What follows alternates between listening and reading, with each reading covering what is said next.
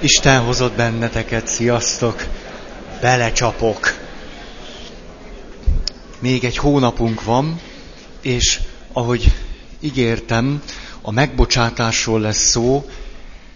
Nekem úgy tűnik, hogy négy alkalommal, és az utolsó alkalom meg olyan kérdezfelelek lehetne, de majd meglátjuk, lehet, hogy hamarabb is végzek a témával. Tudjátok, gondolkodtam azon, hogy vajon ma hányan leszünk. Mert hogy előre mondtam, hogy a megbocsájtás a téma, és arra gondoltam, hogy lesz-e valami olyasmi, hogy mondjuk százzal kevesebben lesztek. Mert az volt a gondolatom, hogy mondjuk százan gondolhatjátok azt, hogy jaj, hát én ebben nem vagyok érintett. Olyan, mit, mit, mit bocsássak meg az én életem egész. Jó, hát jó van, voltak sérelmeim, ezeket elfelejtettem, vagy túlléptem rajtuk. Hát én ezt, ezt az egy hónapot nem szánom erre a számomra érdektelen témára. És miután belekezdtünk a megbocsájtás folyamatába, azért mondom mindazt, amit most mondok, mert két magyarországi adatot hadd mondjak, ami bennünket érint, az egyik. Néhány évvel ezelőtt olyanokkal kezdtek el interjúkat készíteni, akiknek 1956 okán a szüleit, vagy a nagyszüleit, de elsősorban itt a szülőkre volt ez a kutatás kihegyezve, börtönbe csuktak, vagy esetleg ki is végeztek. És kiderült az, hogy már a megkérdezés során az egy hetede a megkérdezetteknek azt mondta, hogy erről a témáról egyáltalán nem hajlandó beszélni, ugye 56 után 50 évvel, ez nem érdekes, ez csak föltépni a régi sebeket, plöm, plöm, plöm. Tehát nyilván több mindenre hivatkoztak. Tehát az egy heted egyáltalán nem kívánt ezzel szembenézni. Popper Péternek volt egy másik mély interjú kutatása, mondom a pontos számokat. 1991 és 92-ben 27 olyan családdal kezdett el interjút készíteni, ahol nagyszülő holokauszt áldozat volt, vagy pedig túlélő, és a 27 családból azt tapasztalta, hogy öt családban kifejezetten és folyamatosan kerülik a témát, négy család pedig tagadta, hogy bárkit is elvesztett volna a koncentrációs táborok valamelyikében. Ez éppen egy harmad. Tehát ez jól mutatja azt, ahogyan beszéltünk arról, hogy a megbocsájtás első fázisa, hogy szembenézünk a negatív érzésekkel, érzelmekkel, fájdalommal, és a megbocsájtás folyamata rögtön itt elakadhat, vagyis, hogy nem nézünk vele szembe. Nem nézünk vele szembe azért, mert azt gondoljuk, vagy lehet, hogy ezt nem racionális döntés alapján tesszük, egyszerűen az itt a, a, a gyomrunknak az üzenete, vagy a tudatalattinknak a, az önvédelemre fölszólító parancsa, hogy hagyjuk az egészet, és ne nézzünk szembe a fájdalommal. Mert, és akkor itt szeretnék néhány gondolatot mondani, hogy miért nem nézünk szembe a fájdalommal, mi az, ami ebbe az irányba visz bennünket. Például az, hogy nem akarjuk, hogy fájjon. Nagyon sokan vannak olyanok, akik rettegnek a fájdalomtól, a, a lelki fájdalomtól. Nyilván ennek a legmélyén az is lehet, hogy valaki, de ezt persze nem szoktuk kimondani magunknak, hogy azt gondoljuk, hogy ebbe a fájdalomba beledöglenék, hogyha valóban átélném azt, amiről azt gondolom, hogy ez tulajdonképpen nekem így fájna. Egyszerűen félelem a fájdalomtól. Azután öm, Félelem attól, hogyha egy minket megbántó személlyel kapcsolatban a saját fájdalmainkat mind-mind átélnénk, akkor ez a kapcsolat megszakadásához vezetne. Attól félünk, ha igazán átéljük, hogy milyen iszonyatosan dühösek is vagyunk arra az illetőre, többé nem tudnánk vele kapcsolatban lenni. Házastársak esetén ez a félelem kifejezetten nehezíti a házastársi kapcsolatoknak a feloldását, a megbékélést és a megbocsájtást hogyha attól félünk, hogy te most olyat követtél el ellenem, amit ha én most tényleg átélnék, akkor sose bocsájtanám meg neked, mert az annyira fájna, hogy. Vagy, és itt van ennek a párja, ha én most tényleg átélném azt, ami itt van belül, a sérelem nyomán, olyan iszonyú dühös lennék. Úgy elöntene a harag, hogy nem állnék jót magamért. Vagy úgy elöntene a harag, hogy a haragommal nem tudnék mit kezdeni. Vagy az az elgondolás, hogy annyira haragudnék, hogy nem tudnék veled többet kapcsolatban lenni. Márpedig te az én férjem vagy, vagy feleségem, gyerekem, anyám vagy apám, és én ezt nem engedhetem, vagy nem engedem meg magamnak. Az a félelem, hogy a fájdalom és a fájdalom nyomán föllépő harag olyannyira kiszolgáltat engem a saját indulataimnak, ami veszélyeztet egy olyan kapcsolatot, amit nem akarok elveszteni. És ezért inkább úgy döntök, hogy nekem a kapcsolat úgy, ahogy most van, még mindig jobban megéri, mint annak a kockázata, hogy esetleg elveszítselek téged. Ezek a félelmek általában, általában a mi hétköznapi világunkban teljesen alaptalanok, de azért meglévőek. Azután egyszerűen félhetünk az ismeretlentől. Nem minnyáján vagyunk profi megbocsájtók. Nyilván beleérte magamat is, és amikor még valaki egy ilyen folyamaton kőkeményen nem ment át, nem tudja, hogy ott mi történik. Hát akkor nyilván félek minden egyes fázisától, az elképzelt jövőtől. Ezért is tartom fontosnak, hogy nézzük meg, hogy hogy megy végig egy ilyen folyamat. Mert akkor tudjuk, hogy mikor mi történik velünk, és az normális. Akkor már magától a folyamattól nem kell félnünk. Azután félhetünk attól, hogy össze fogunk omlani. Ez, ez is hihetetlenül gyakori. Hiszen a fájdalommal és a negatív érzésekkel való szembenézés kerülésének egyik alapmotívuma az, hogy félünk attól, hogy mi magunk rendülünk meg annyira, hogy nem tudjuk az életünket tovább folytatni. Nagyon sokan vannak olyanok, akik az önértékelésüket vagy az önbecsülésüket akarják megőrizni azzal, hogy nem omlanak össze. Hát hiszen nem elég nekem az, hogy ez meg ez ért engem, és alig bírok élni. Ha most még teljesen belemennék a folyamatba, úgy összezuhannék, hogy ezt nem engedhetem meg magamnak. Tehát az önértékelés és önbecsülés föntartása lehet egy motívum, amiatt valaki nem ereszti bele magát ebbe a folyamatba. Azután félhetünk attól, hogy egyszer csak kiderül, milyen hihetetlenül sebezhetőek vagyunk. Nem csak, hogy mennyire megsebződtünk, már ez is félelemmel tölthet el minket. De az is, hogy hogy megyünk bele a folyamatba, még jobban kiderül az, hogy milyen iszonyatosan sebezhetők vagyunk. Ezért inkább tartjuk magunkat. Aztán félhetünk az összeomlástól, a megrendüléstől és a krízistől, amiről azt gondoljuk, hogy vár ránk, egyébként jogosan. Egy-egy komoly sérelem után szépen össze lehet omlani. Ez igaz, hogy félhetünk tőle, és aztán félhetünk a szégyentől, amit nagyon sajátosan át tudunk élni akkor, amikor velünk szemben bűnt követnek el.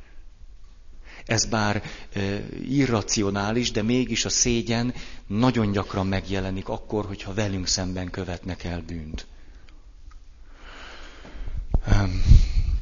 A feldolgozatlanságról még, hogy látszólag jó megoldás a feldolgozatlanság, mert föntartja a kapcsolatot, segít valamennyire élni, stb. stb. Virág Teréznek vannak nagyon nagyon komoly kutatásai, mégpedig holokauszt túlélőkkel, azoknak a gyerekeivel vagy unokáival, hogy a, a, a trauma földolgozatlansága, családi földolgozatlansága hogyan terheli meg a második és harmadik generációt. Ez egyszerűen megrendítő. Újból és újból kiderül az, hogy ahol a családnak az volt a stratégiája, hogy erről egyáltalán nem beszélnek, ott is ez a földolgozatlan trauma a második és harmadik generációban hihetetlen módon megjelent, mint egyéni, személyes élet probléma. Csak egy történetet mondok, egy 22 éves fiatalemberről van szó, aki öngyilkossági kísérlete miatt került a szakemberhez, és kiderült az, hogy ez már többedik öngyilkossági kísérlete volt.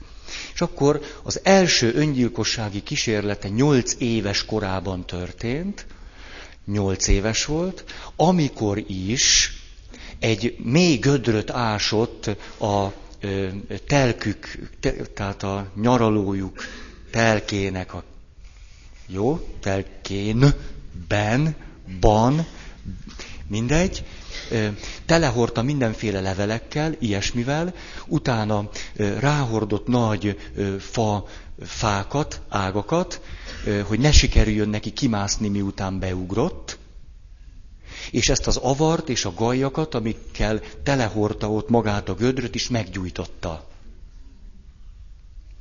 A füstre figyeltek föl, úgy mentették ki, füstmérgezést kapott, ez volt az első öngyilkossági kísérlete, ezt még kettő követte, tehát összesen három. A második öngyilkossági kísérlete az volt, hogy egy olyan barlangba ment be, ahol mérges gázok képződtek. Ott pedig, már mikor egy módosult tudatállapotban volt a mérges gázok következtében, akkor onnan a saját lábán jött ki, azután is kórházba került. A harmadik öngyilkossági kísérlete gyógyszerekkel történt, abból is visszajött.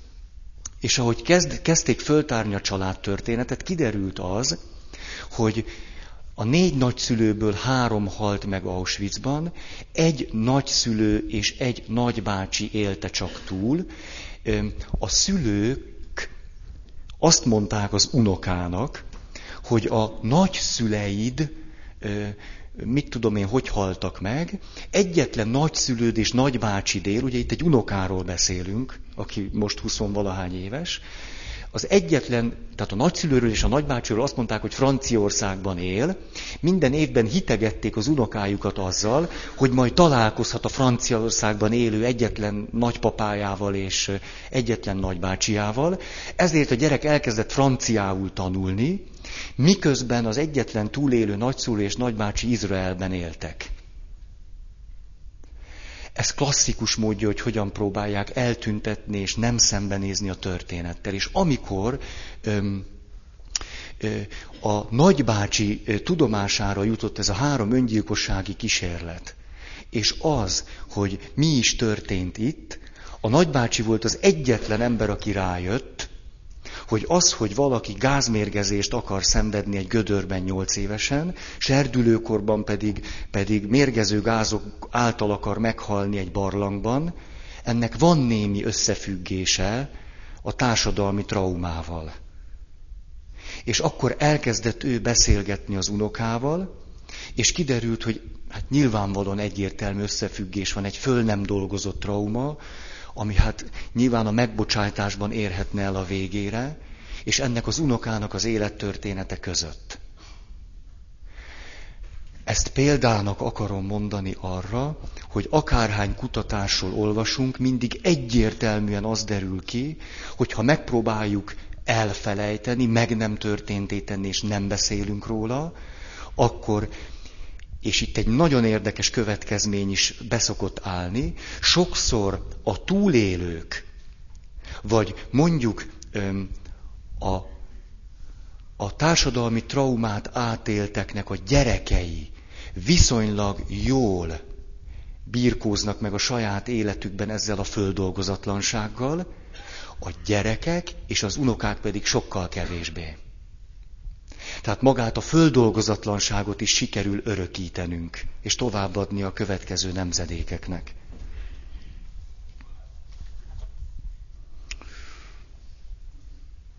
A, egy másik kutatásban 1956, e, erről már beszéltem egy picit múltkor is, vagy múltkor, szóval most 10 perce, hogy itt pedig azt nézték, hogy milyen élettörténetet, életpályát futnak be az elítélteknek vagy kivégzetteknek a gyerekei, és kiderült az, hogy körülbelül 90-95 százalékban a kivégzettek vagy mondjuk az általános amnestiakor szabadultaknak a gyerekei megsínlették a szüleikkel, vagy az apukájukkal, vagy ritka esetben az anyukájukkal történt történeteket, eseményeket, körülbelül csak néhány százalékban, a családok néhány százalékában sikerült végigvinni a megbocsájtás folyamatát, azért, mert vagy nem beszéltek erről, hogy mi is történt az apáddal, vagy pedig öm, öm, magukra vették a társadalomnak, a hatalomnak a megbélyegzését, stb. stb. A, azokban a családokban ez néhány százalék volt, ahol önértékelési hiányok, pszichoszomatikus betegségek nélkül élnek. Az 56-os elítéltek vagy kivégzettek gyerekei, ez, ebben a néhány százalékban majdnem mindig értelmiségi családokat találunk, ahol a szülők képesek voltak folyamatosan megbeszélni és átbeszélni segíteni a gyerekek traumáinak a földolgozását. És hogy nem tették, nem tették hát a szőnyeg alá az apukának vagy az anyukának a sorsát, ez később azt jelenthette a gyerekek számára, hogy büszkék lehettek az apukájukra vagy az anyukájukra. Míg 90-95 százalékban ez a büszkeség nem alakulhatott ki. Ennek pedig nyilván az önértékelése nagyon súlyos következményei vannak.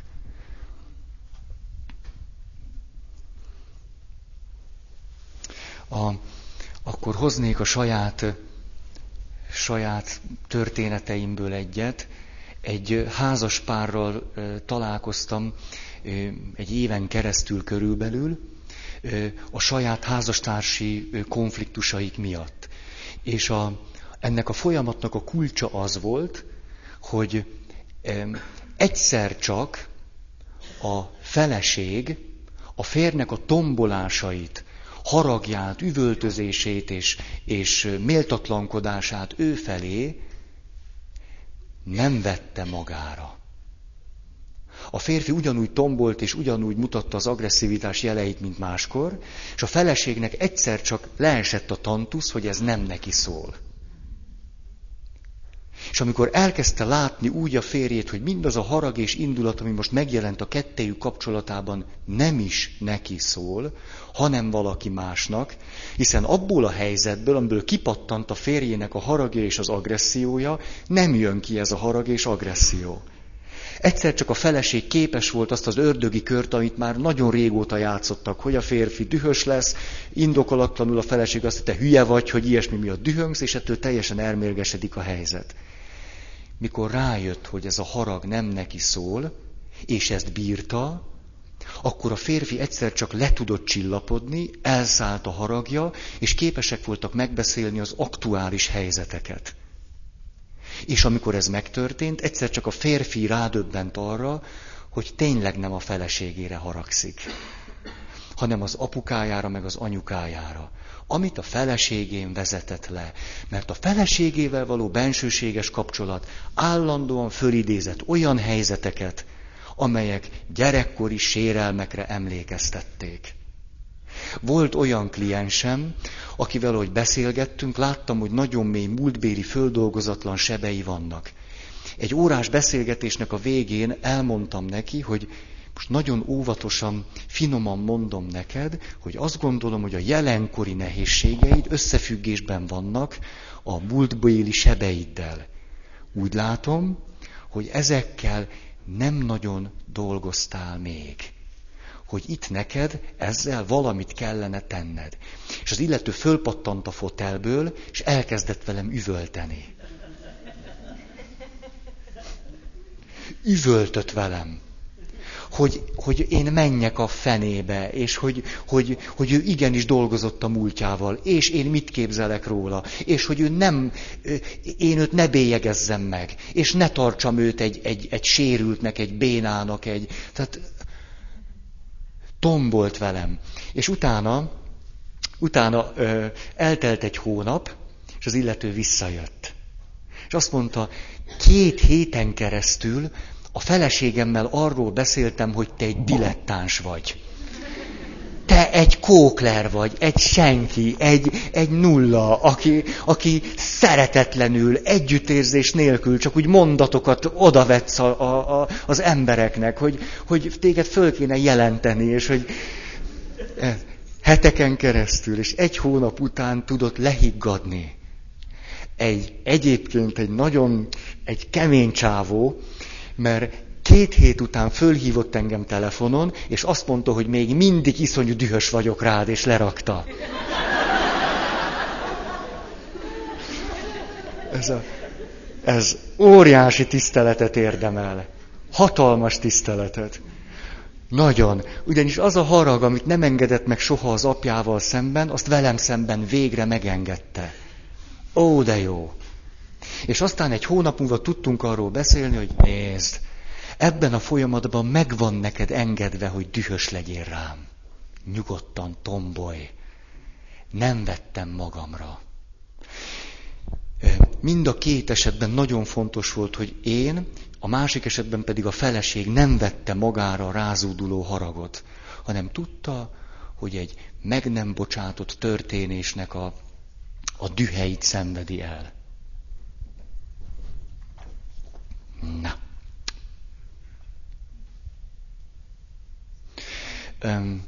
Igen, és emlékszem, múltkor tettem említést arra is, hogy van, aki pedig még haragot sem nagyon tud érezni. Egy kedves kliensem jutott eszembe, aki azt mondta, hogy rengeteg sérelem ért engem a fiúmtól. Annyira szeretnék vele szakítani, de nem bírok rá haragudni keresztény verzió, ő nem volt egy hívő ember, van ennek keresztény verziója. Azt mondja, azt, hogy nem tudok haragudni, azt mondja, nem akarom őt megbántani. Nem akarok neki rosszat. Nem akarom, hogy úgy váljunk el, hogy mit tudom én, ugye itt ilyen, hogy, hogy dühösek voltunk egymásra. Nem akarom egy ilyen csúnya szakítással bemocskolni a kapcsolatunk emlékét.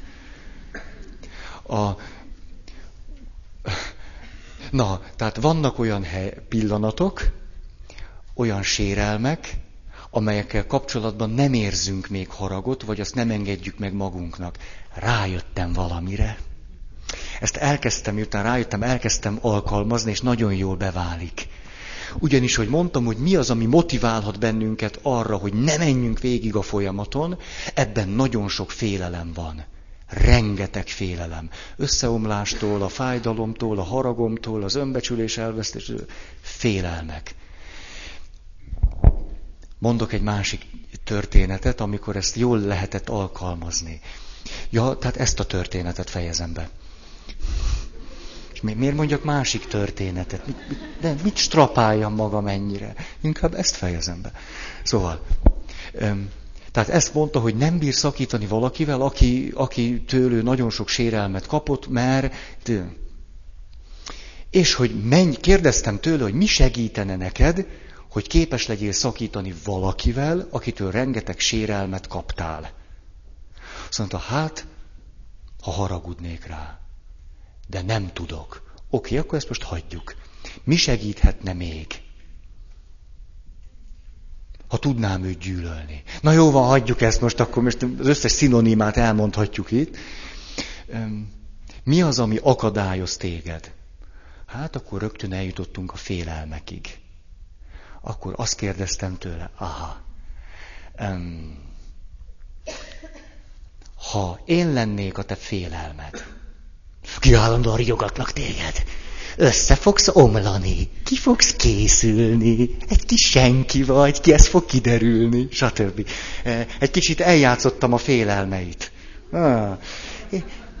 És én most ideálnék eléd, és azt mondanám, figyelj csak, én most arra kérlek téged, hogy többé ne járj ebben a nadrágban, mert guztustalanul nézel ki. És ha mások is észreveszik, hogy milyen undorító a gatyád, akkor megnézheted magad. Mit mondanál a félelemnek? Rám néz, így elkerekedik a szeme, tehát most elvileg egy paphoz jött, és most nem... Tehát azért mégiscsak. Azt mondta teljes átélésem, azt mondanám, hogy dögölj meg. Ugye ezt nem vettem magamra, hiszen én voltam az ő félelme. Azt mondtam, ó, ez remek. Akkor mi lenne, hogyha szívből utálnád és haragudnál a félelmeidre? A félelmeidre, amelyek azt mondják neked, hogy. És azt mondta, na ez menne. Ez me, a félelmeimet tudom utálni. Na akkor hajrá.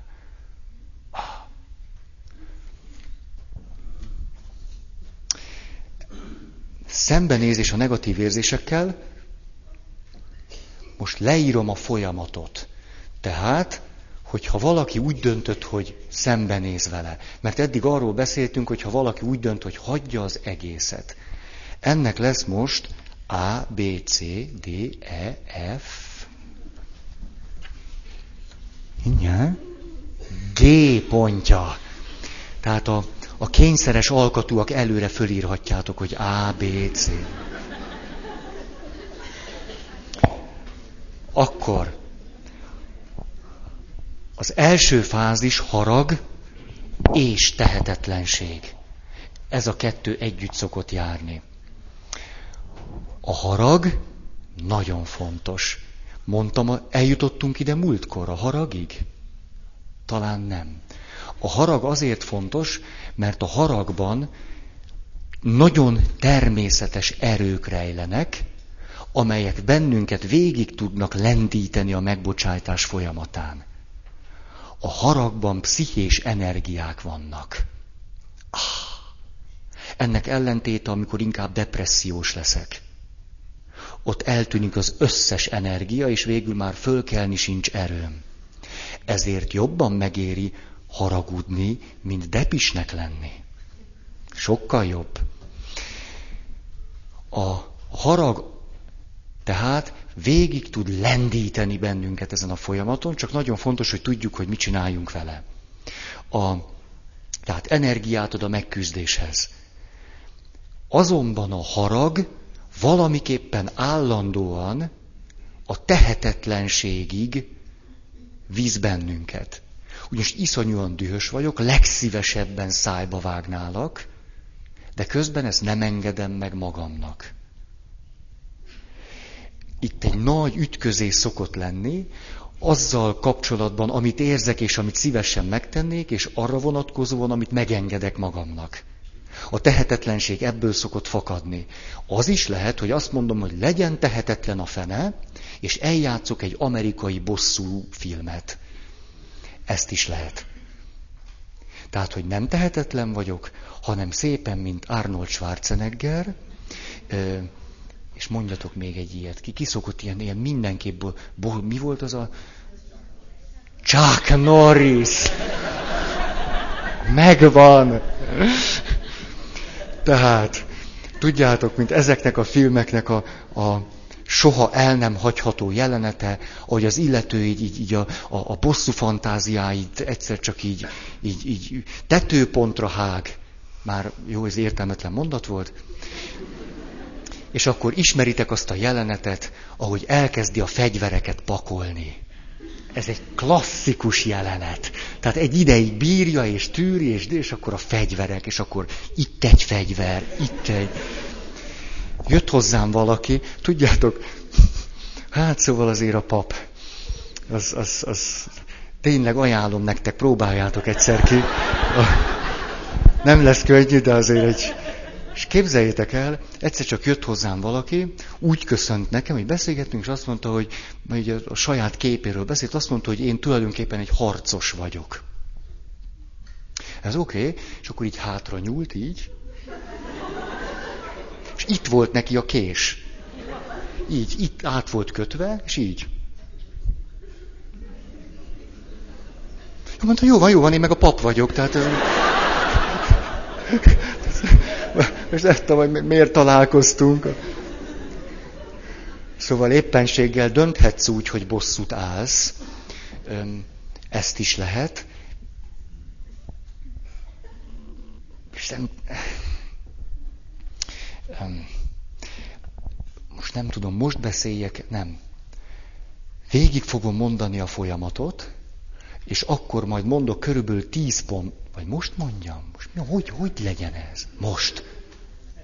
Ez a bosszú, ez, ez, ez fölizgatott. Na jó, akkor jól van, nézzük.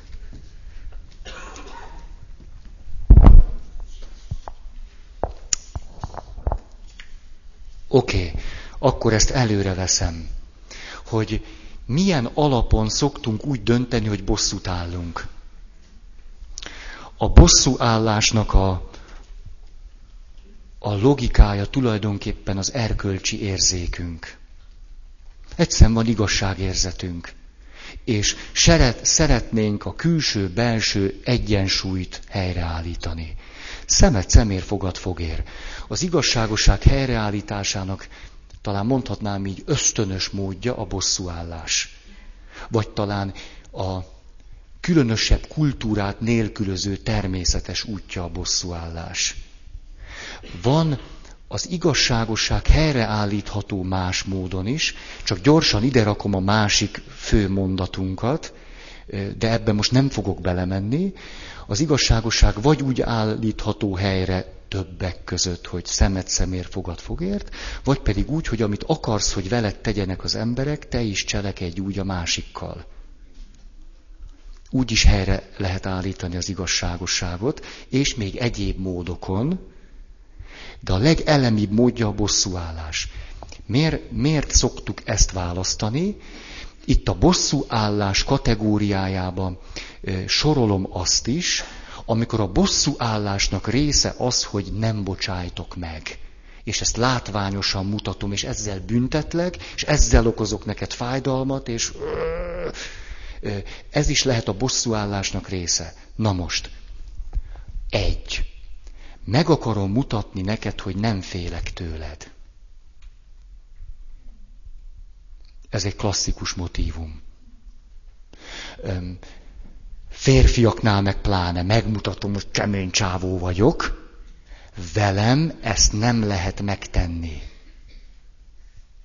Itt akkor látjuk, hogy az önérzet és az önértékelés az, ami a kiinduló pont. Öm, aztán megőrzöm a méltóságom. Hát ha már láttátok Chuck Norris-t büntetni, akkor tudjuk, hogy mi az, hogy megőr, megőrzöm a méltóságom. Másképp is meg lehet. Aztán jövőre nézve figyelmeztetésül.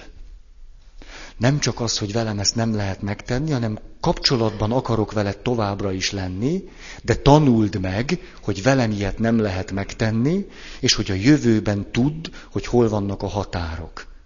Ezért bosszút állok rajtad vagy ezért nem bocsájtok meg neked.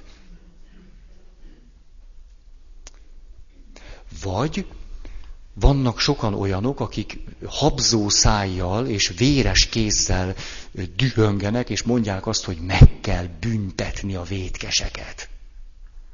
Sok esetben azért, mert azt gondolják, ha a bűnöseket megbüntetjük, akkor bűnbánatra serkentjük őket. És közben nagyon jól tudjuk, hogy minél nagyobb bűnt követel valaki, és akkor arra aztán jönne a válasz, hogy akkor, akkor akasszuk föl, vagy lőjük főbe. Az esetek nagy többségében sem a büntetéstől való félelem, sem maga a büntetés nem jár ilyen következményekkel. Tehát eléggé hamvába volt kísérlet, hogy a büntetés által segítsünk el egy másik embert oda, hogy ő bocsánatot kérjen tőlünk. Mert ez vagy megy, vagy nem.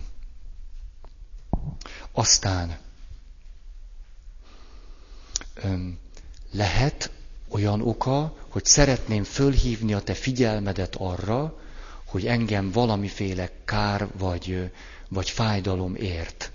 Azért nem bocsájtok meg, vagy adott esetben azért állok buszút, hogy vedd már észre, hogy mit tettél velem. Aztán azért teszem ezt, itt egy picit az előző gondolat folytatódik, mert azt gondolom, hogy először neked bocsánatot kérni, bocsánatot kell kérned ahhoz, hogy én utána megbocsássak neked. Na itt most lerakom a papírt. Ugye ti nem hiszitek azt, hogy a megbocsátásnak előföltétele a bocsánatkérés. Ez egy kulturális baromság. Akkor találunk ilyen marhaságokat, ha nem akarunk megbocsájtani. Ez egy jó kis ideológia. A megbocsátáshoz egy ember kell, a megbántott fél. Nem kell hozzá több. Az más kérdés, hogy könnyebb megbocsájtani úgy, ha tőlünk bocsánatot kértek. A kibéküléshez kell két ember. Ezért különböztessük meg a megbocsájtást a kibéküléstől. Ezt ugye múltkor nem mondtam el így. Ezt én most elég nevetségesnek érzem most magam, milyen szájbarágósan felnőtt embereknek. Ezt visszavonom, de nem azt, amit mondtam. A megbocsájtáshoz elég a sértett fél. Há, jó Istenem, hogy hányszor hallottam ezt ilyen, ilyen politikai fórumokon, meg, meg oh. keresztény emberek szívesen használják ezt az ideológiát, hogy ne kelljen megbocsájtaniuk. Hogy föntarthassák a haragjukat, és azt jogosnak tarthassák. Vagy hogy ne kelljen beismerni azt, hogy erre a folyamatra nem mondtak igent. Aztán azért nem bocsájtunk meg, vagy adott esetben azért akarunk bosszút állni, hogy ezáltal megtörténjen a jóvátétel. Ha, ha nem bocsájtok meg, mindaddig föntartom ezt az állapotot, ameddig nem vagy hajlandó valahogy ellensúlyozni a, a sérelmeimet. Ha bosszút állok, akkor pedig maga a bosszú ad nekem jóvátételt. Az, hogy látom, ahogy kifolyik a szemed. Jaj, de jó!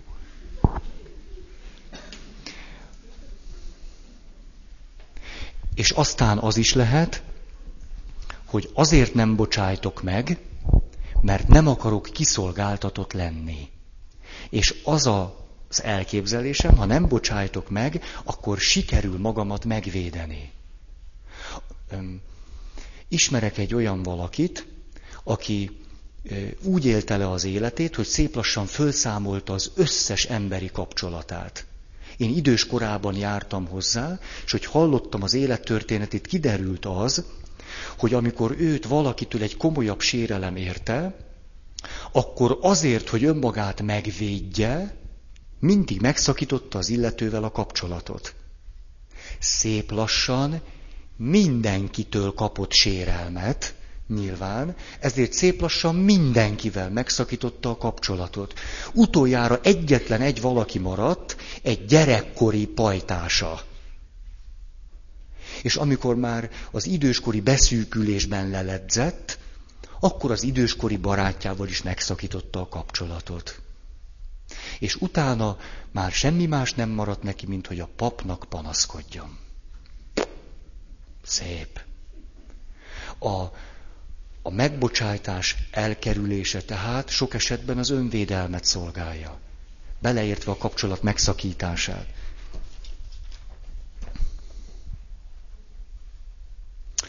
Hát ezt gyorsan ledaráltam. Azért látjuk, hogy van legalább tíz okunk arra, hogy miért ne bocsássunk meg. És hihetetlenül logikusnak tűnik mind a tíz, és mind a tíznek van valami lélektani haszna. Mert ha nem lenne valami lélektani haszna, akkor nyilván nem érné meg.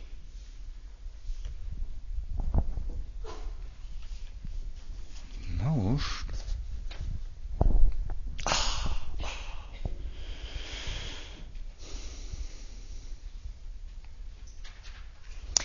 Itt eljuthatunk egy ördögi körhöz, ez pedig úgy néz ki, hogy haragszom, de a haragomat nem merem megélni, akkor ütközik a haragom az általam adott tilalommal, emiatt tehetetlen leszek. Emiatt még jobban haragszom, még tehetetlenebb leszek, még jobban haragszom, még tehetetlenebb leszek, és ha ez átszakad, akkor bosszút állok. Ha pedig, úgy gond, ha pedig a tehetetlenség irányába megy el a folyamat, akkor depressziós leszek. Ha? Mind a kettő elég katasztrofális. A, egy kínai közmondást hadd idézzek, eszméletlenül jó. Így hangzik. Két sírt ásson az, akit a bosszú hajt. Ah.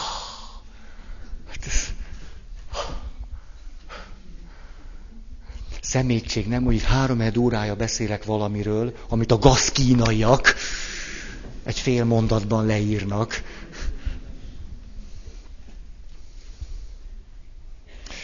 És az előző kutatásokra hadd utaljak még, nem csak azt tűnt általános stratégiának, hogy nem beszélünk a traumákról, és hát emiatt a megbocsátás folyamata be se kell indul, hanem az is, hogy a családban folyton erről beszélnek. Ez a másik véglet. Egy 10, 20, 30, 50 éve feloldást nem nyerő harag és sértettség és bántottság, és ebben nevelik föl a gyerekeket és az unokákat. És a nagypapa és a nagymama utolsó erejével még átadja az unokáknak a saját föl nem dolgozott haragját. Na, hogy Magyarországon ez hogy történik? Erről lehetne beszélni. A, az, ami itt történt az elmúlt hetekben meg hónapokban, ékes bizonyítéka a föl nem dolgozott társadalmi traumáknak. Volt egy pont, mikor az, mikor az egészhez már egyáltalán semmi kedvem sem volt hozzászólni, egyszerűen azért, mert még a normális kérdés föltevésig sem jutottunk el. Tehát amit ilyen, ilyen válaszként, nem tudom, mi, megjelent most a közbeszédben, azt ki lehet dobni a kukába annak a 99 százalékát. Itt föl nem dolgozott társadalmi traumáknak a hullámveréséről van szó, ami megjelenik a családtörténetekben, a generációkon keresztül. De ebbe tényleg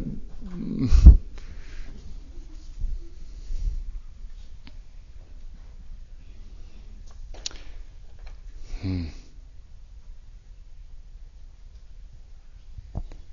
Ezután, hogyha nem bosszút álltunk, és nem lettünk depressziósok, majd pedig a depresszió után azt mondtuk, hogy jó, hát akkor hagyjuk ezt az egészet, mert ha már egyszer depressziós lettem, ezt még egyszer nem csinálom végig, akkor jön egy következő negatív érzés, a szégyen. Társkapcsolati sérelmekben minél bensőséges kapcsolatban bántott meg engem valaki, annál nagyobb esélye van annak, hogy szégyent éljek át. Gyerekkori sérelmek esetén egészen a száz százalékig eljutunk, el tudunk jutni a szégyenre vonatkozóan. Minél súlyosabb traumát él át valaki gyerekkorban, annál nagyobb szégyenérzet kapcsolódik hozzá, miközben ő a vétlen fél, vagy ő az áldozat. Ez tehát nem az általunk elképzelt logika szerint megy, de erről már sokat beszéltünk. Ha valaki elakad a szégyennél, sosem tud ez a folyamat végbe menni. Ezért van olyan döntő jelentősége annak, amikor valaki végre valahára 20, 30, 90 éves korában elkezd beszélni a sebeiről végre elmeri mondani azt, hogy mi történt vele. Az a, a legnagyobb lehetőség arra, hogy a megbocsátás folyamatán végig tudjon menni. Az más kérdés, hogy a szégyenérzet föloldása után általában megjelenik a harag. Ami egy újabb nagy tehertétel valakinek, aki évekig vagy évtizedekig szégyenkezve élt.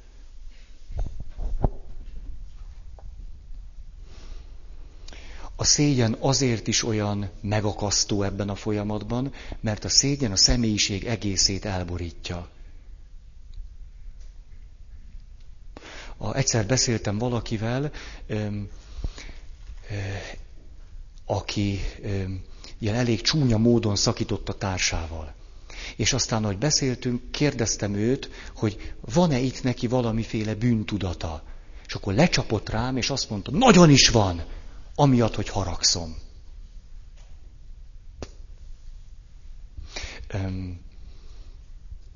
Nőknél gyakori, hogy a szégyenük vagy a bűntudatuk a haragjuk miatt van. Ez egy izgalmas kör. Óriási dolog az, amikor valaki a szégyenből kiszakad. Járt nálam egyszer valaki, majdnem 30 éves, és a, a, a szégyenéről beszélt. És azokról a szégyenekről, amit ő és a testvére élt át, ketten voltak gyerekek, a saját szüleiktől. És a kettőn kapcsolata nem lelki gondozói, hanem lelki vezetői kapcsolat volt, mert ő az Isten kapcsolatában akart fejlődni. De az Isten kapcsolata elakadt a meg nem bocsátásai miatt. És egyszer csak a gyónással kapcsolatban jött elő az, hogy ha ő benne van egy olyan mély harag, hogy nem is akar megbocsájtani, akkor úgy lehet egy gyónni, vagy nem. Így került elő a családtörténet, és egyszer csak, ahogy ő el tudott kezdeni beszélni azokról a szégyeneiről, amiről soha senkinek nem mert beszélni, utána tudott megtörténni egy olyan gyónás, amelyben az illető egyszer csak elkezdett zokogni, de ilyen megállíthatatlanul zokogott. És utána a következő alkalommal, mikor találkoztunk, azt mondta, hogy itt vagyok 30 évesen, és most jöttem rá, hogy én soha életemben még bűnbánatot nem éreztem. Életemben először most éreztem bűnbánatot. Engem a szégyen mindig elborított annyira, hogy soha komolyan bűnbánatot ne tudjak érezni. És a szégyen föloldása föloldott nagyon sok más érzést és érzelmet ami pedig a további élet szempontjából hát alapvetően fontos. Számomra ez a, ez a találkozás sorozat hihetetlenül megrendítő is volt, és fölnyitotta a szememet nagyon sok mindenre. Mert ha a szégyen a személyiség egészét érinti, akkor az életünk szempontjából nagyon fontos kincs is ott marad a föld alatt.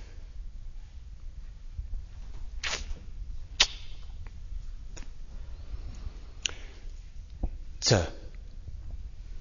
Elégedetlenség és szomorúság. Szerintem ez ismerős lesz mindannyiótoknak, akik már szenvedtetek el komoly sérelmet.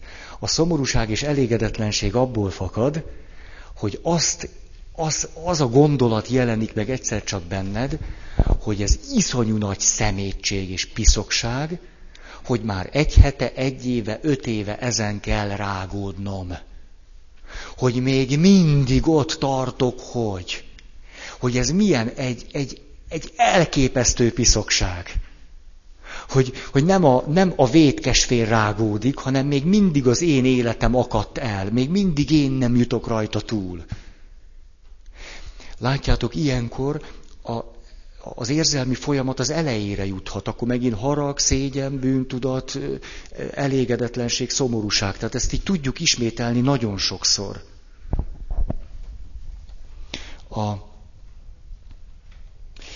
a másik pedig, amiről lehet tapasztalatunk az, hogy ülsz a munkahelyeden, próbálnál dolgozni egy évvel a megbántás után, és még mindig ilyen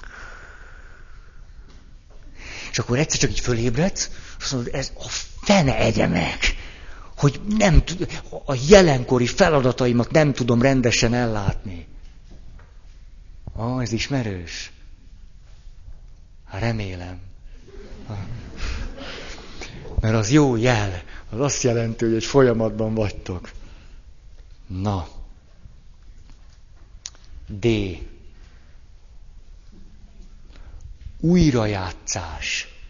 Na, ez ismerős? Mikor az egészből úgy próbálunk kijutni, hogy újra játsszuk a történetet. Hogy is volt a részleteket, mit mondott az a rohadék, hogy dögölnem meg, és, és, és ha most ott lennék, most nem hagynám magam, belerúgnék. Csak próbálom érzékeltetni a realitásoknak egy vékonyka kis rétegét, hogy hogyan játsszuk újra ezeket, az eseményeket. Az újrajátszásnak is van és lehet azért értelme, de itt is el lehet akadni. Amikor a nagypapa vagy a nagymama 128 milliómodszor meséli el, és játsza újra, hogy vele mi történt Doberdónál. Mi történt Isonzónál? A, most bocsánat, hogy ezt így mondom, de amikor ez 150 milliómodszor történik,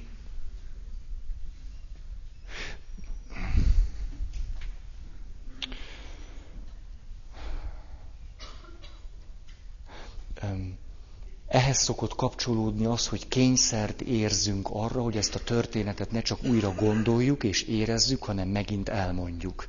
Hogy újból és újból visszajátszuk és elmondjuk. Itt akkor felerősödik a szenvedésünk, és felerősödik a bosszú vágyunk. Fölerősödik a haragunk, és akkor ezt a kört, ennek a négy elemét újra játszhatjuk a végtelenségig.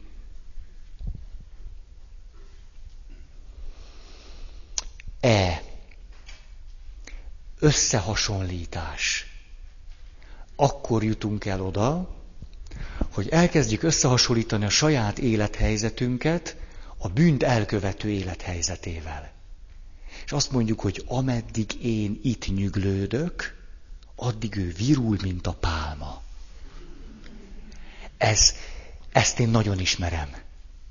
Hogy kirugásom után milyen hihetetlen indulatba tudtam jönni, hogy ezek a gazemberek, ezek nem csak, hogy nem tudják, hogy milyen gazemberek, hanem a dicsfénytől övezve élik papi életüket. Hmm. Én meg itt szenvedek. Ezt állandóan. És persze az egész fantáziálásunk eléggé irreális, de ez nem baj. Már abból a szempontból nem baj, hogy teljesen érthető. Azt képzeljük el, hogy a másiknak milyen tök könnyű most. Persze lehet, hogy neki egyáltalán nem könnyű, fogalmunk sincs, hogy milyen az élete, de akkor is ezt fantáziáljuk. Hogy ő neki, ő most milyen könnyű. És akkor ilyen ekkora füllel hallgatjuk a bűnt e- elkövetőnek az életútját. Ah, ismerős? Baráti társaság, és hogy hallod a nevét, és ki, ki mit is mond róla? És akkor egyszer csak kiderül, hogy, hogy már főosztályvezető. Micsoda! Az a rohadék, és hazamész, az egész bulinak annyi, tehát ez, e, ettől padlót fogsz, hazamész, és izé bedobsz két felest, és az a rohadék, az, és ugye, ahogy, ahogy ezt átéled, még nagyobb lesz a különbség köztetek. Nem? Mert most itt szenvedsz, rohadt buli nem tudok lenni. Ismerős ez? Hogy a, a puszta nevének a kiejtésétől ő bezzek a hallja a te nevedet, csak röhög. Az a kis hülye. Gondolod te? Nem biztos, hogy röhög. Persze, de ilyenkor ezt fantáziáljuk. Nagy pofára esésem volt az, egyszer egy lakodalomban régi ismerősökkel találkoztam. Olyanokkal, akik együtt jártak velem a teológiára. És föl elevenítettük a régi szép emlékeket. Hát a kirugásom történetére utalok. És a... És a... És egyszer csak hallom a közös ismerősünktől, hogy képzeljétek, bűnbánatot tartott az egyikük. Na, és ezzel egyszer csak rádöbbentem, hogy az én fantáziálásaim, hogy mit gondolok én arról, hogy az, aki velem szemben ilyen bűnt követett, az most virul, hogy közben Ő is átment egy folyamaton. Na. Hmm. És ha én nem megyek el abba, ezért kell lakodalomba járni. Mert ott pompásan feldolgozhatók a korábbi traumáink. A... Tényleg ez annyira elgondolkodtatott, hogy simán meg tudtam volna úgy halni, hogy azt gondoljam, hogy ők úgy haltak meg, hogy azt gondolják rólam, hogy ők is hülye megérdemelte. Azt nem így van. De nem mondom el a kirugásom történetét, mert nem érdekel senkit.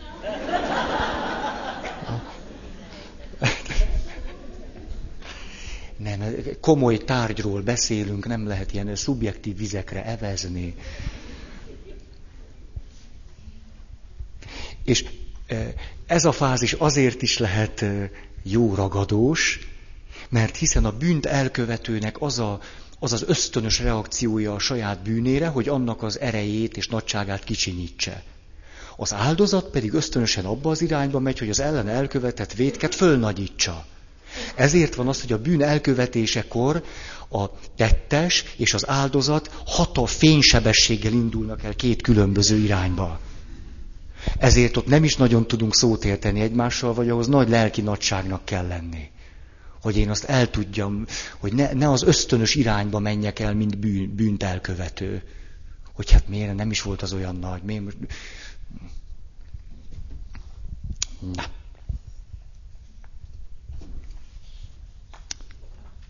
És akkor teljesen összekevertem a jegyzeteim. Segítség! F. Ekkor érünk el oda, hogy szembenézünk a megváltozott élethelyzettel, élet lehetőségeinkkel. Na, ez az a pont, ahol a legmélyebbre tudunk jutni érzelmeink szempontjából. Tehát egyszer csak akkor, akkor elönt bennünket a mélységes fájdalom, a mélységes sebzettség, a mélységes kiszolgáltatottság, a sérültség, az összetört az életünk, akkor egyszer csak már kimerjük magunk előtt mondani először, hogy micsoda iszonyú nagy veszteségért bennünket. Ez az a pont, ami elől menekülni szeretünk. Hogy átéljük azt, hogy itt milyen kőkemény veszteségeink vannak. Na most itt megállok, mert egy, egy kulturális jelenségre szeretném fölhívni a szemeteket.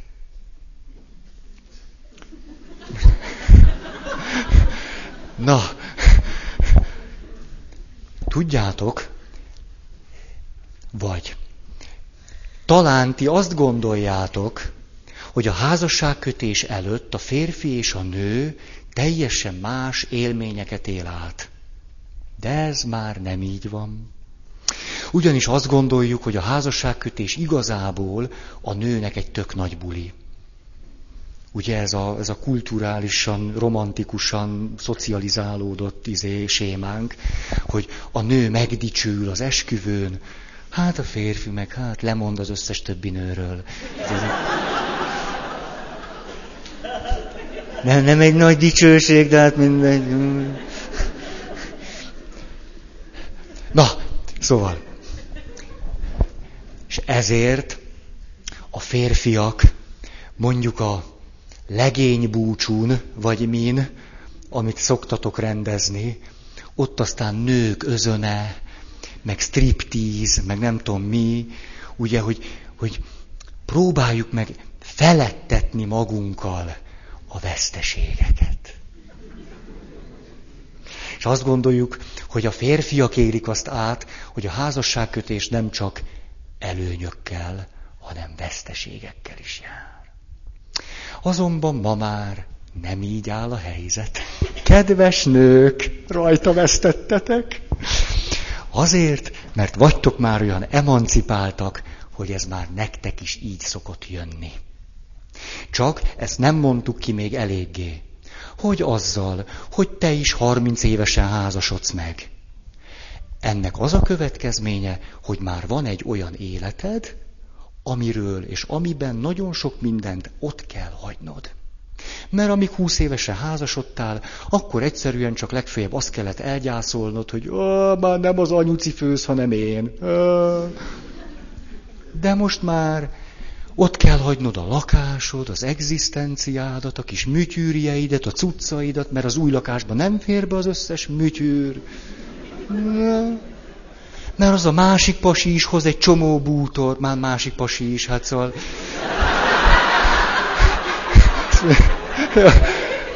Jó, miket nem mondok. Látjátok, mennyire megengedő vagyok. Szóval, tehát tényleg ez... Feri, Szóval, tehát, hogy a házasságkötés nem csak nyereségekkel, hanem veszteségekkel is jár. Rengeteggel. Minél idősebb vagy, annál többel. És ez nem csak a férfiakra vonatkozik, hanem a nőkre is. És a nők tűdüdüdüdü, szokták ezt szégyelni. Tűdüdüdüdü. Én nem tudom miért. Itt ütközik ez a romantikus házasságkötés séma a valósággal. Miért nem tudok örülni annak, hogy a legtuti pasi elvesz? Mert már a nők is arra gondolnak, hogy jó van, tuti, tuti, de hát mégiscsak... Úgy, egy életen át csak egy tuti, hát nem lehet... Hogy a tutinak is vannak variánsai. Ilyen tuti, olyan tuti. Hmm. A, na, szóval amit, amitől rettegünk és félünk, és még a kimondása is sokszor szégyenérzette, vagy nem tudom mivel, félelmekkel jár, hogy vannak veszteségeink. Na, ezt akarjuk elkerülni akkor, amikor a megbocsátás folyamatában vagyunk. Vagy amikor bele se fogunk. Igen. G pont.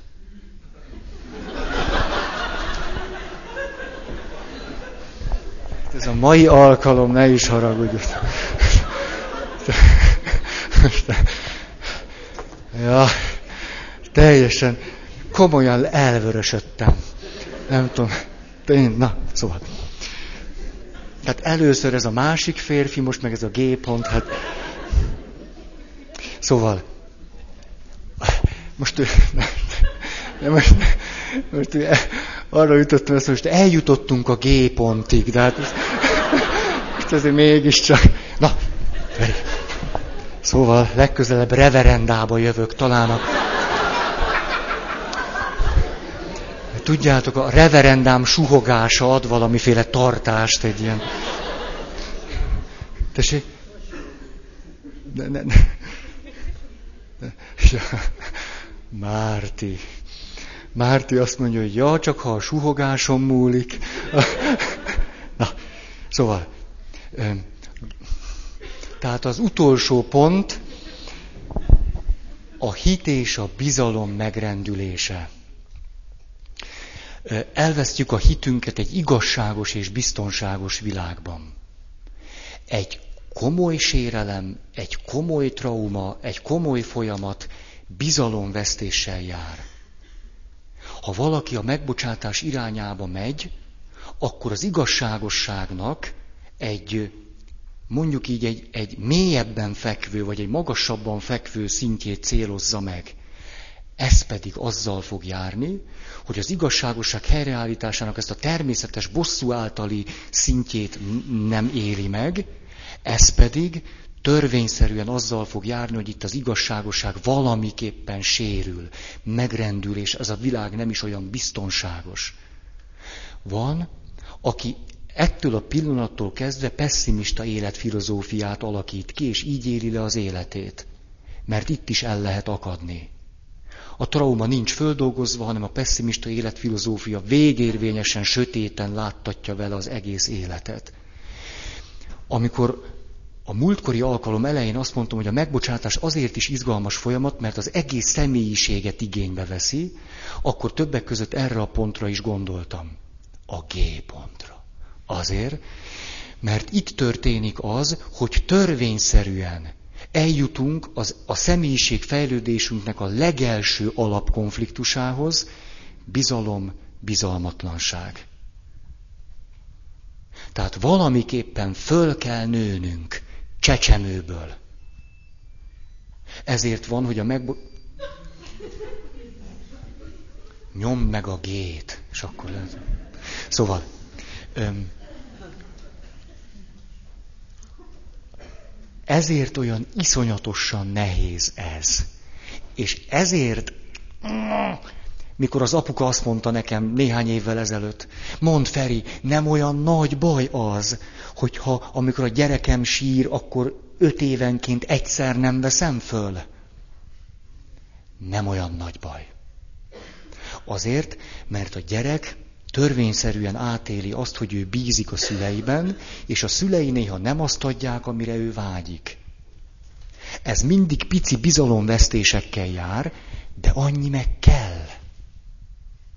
Mert a bizalom és bizalmatlanság konfliktusából akkor jövünk ki jól, ha átéltünk némi bizalmatlanságot és bizalomvesztést, és mégis a bizalom győzött abból a szempontból, hogy mégiscsak egy bizalommal telien az életünket biztonságban tudva, de a bizalomvesztéseink által reálisan látjuk az életet. Ezért nem olyan nagy baj, hogyha megfelelő mennyiségű bizalomvesztésen át kellett mennünk életünk során attól fogunk fölnőni. Az nem olyan nagy baj. Ezért a megbocsátás azért is teszi az, a személyiséget érettebbé, mert még mélyebben megtanít bennünket a realitásokra. Hogy igen, ezen a világon bárkivel bármi megtörténhet. És ez egy realitás. Ezért egyáltalán nem olyan nagy baj, hogy át kell mennünk a bizalom vesztettségnek és a biztonságérzet megrendülésének a fázisán. Amikor ezt átéljük, akkor persze szörnyű, szörnyű. Hogy nincs egy hely, nincs egy kapcsolat, és azt gondoljuk, a jövőben sem lesz soha sem egy olyan kapcsolat, amelyben igazán biztonságban tudnánk lenni. Soha. És nincs olyan ember,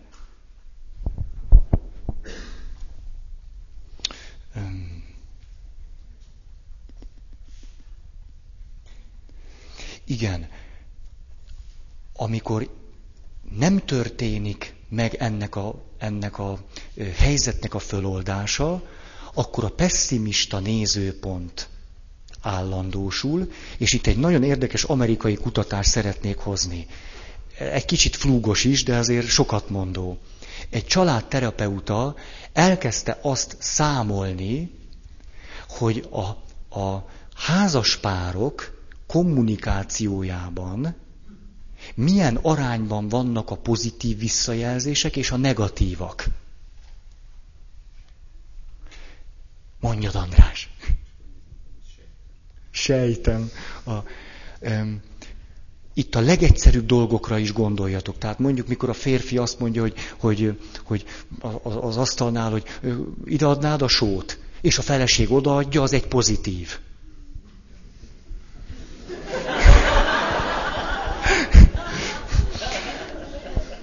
Na, tehát itt a leg... Miért? Ha borsot ad, negatív. Ha direkt nem rak az asztalra sót, dupla negatív. Na, tehát hogy itt a leg-leg-leg-leg legegyszerűbb, nem csak szavakban történő kommunikációt is kezdte mérni és figyelni. Az derült ki, ha ugye család, házaspárokkal dolgozott, akiknek a kapcsolata szép lassan, fokozatosan megromlott azt vette észre, hogy ha a pozitív és negatív visszajelzések aránya, a pozitív, negatív aránya 5 az 1 alá süllyedt, 5 az 1. 5 pozitívra egy negatív. Ha ennél rosszabb volt az arány, az már azt hozta be a házastársak nézőpontjába, hogy egymást elkezdték kritikusan, sötéten, negatívan látni. Ú, de durva. Öt az egyhez. Hát hol vagyunk mi ettől?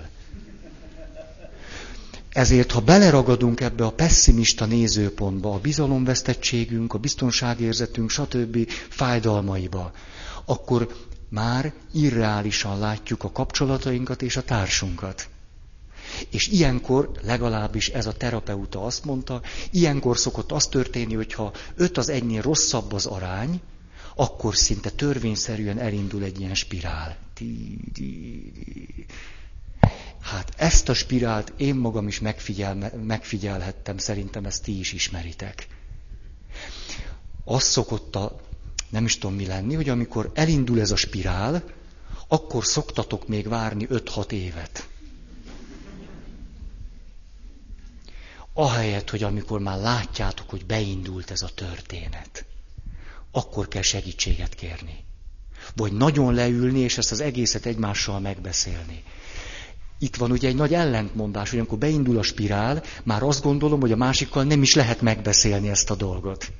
És akkor egy ilyen túlélő üzemmódra állunk rá. Hát az meg olyan is. Öm. És ez lehet az a pont, amikor valaki azt mondja, hogy miután a, a világ egy nem biztonságos hely, az emberek rosszak, velem is, akárkivel is bármit meg lehet tenni, és akkor dönthet úgy, hogy nem bocsájtok meg. Itt egy nagyon tudatos, kimondott vagy ki nem mondott döntésig el lehet jutni, hogy nem bocsájtok meg. És itt akarok egy másik dolgot hang... Pont idő van, és ezzel akkor befejezem a mai alkalmat hogy ezért nagyon nagy különbség van a között, hogy nem tudok megbocsájtani, és a között, hogy nem akarok megbocsájtani. Nagyon sok ember, amikor nem akar megbocsájtani, ezt úgy mondja még magának is, hogy nem tudok megbocsájtani. Ez nem így van. Ő egy önmaga előtt is leplezett döntést hozott, hogy nem akarok megbocsájtani. Ameddig az érzelmekkel való szembenézés van, addig érthető, hogy valaki azt mondja, hogy nem tudok megbocsájtani. De mikor eljutok ide, itt meg lesz a szabadságom arra, hogy akarok vagy nem akarok megbocsájtani. Itt értünk el a döntéshelyzetig. És ezt a kettőt nagyon nem érdemes összekeverni, hogy tudok vagy akarok, nem tudok vagy nem akarok. Hmm. Két hirdetni valóm van. Egy kis rózsafüzért hagyott el valaki múltkor a teremben. Ezt szívesen odaadom, rá van írva, hogy megcsugorje. A másik pedig, hogy a hálóklub, a nem vallásos ö, csoport, az most szombaton lesz, első szombaton szokás szerint. Tehát aki nem jár templomba, de érdekli őt a hit téma, az Isten kérdés, azoknak van ez a klub. Szombat este fél nyolctól, hálóklub, Kárpátia udvar, Ferenciek tere. Akar-e valaki hirdetni?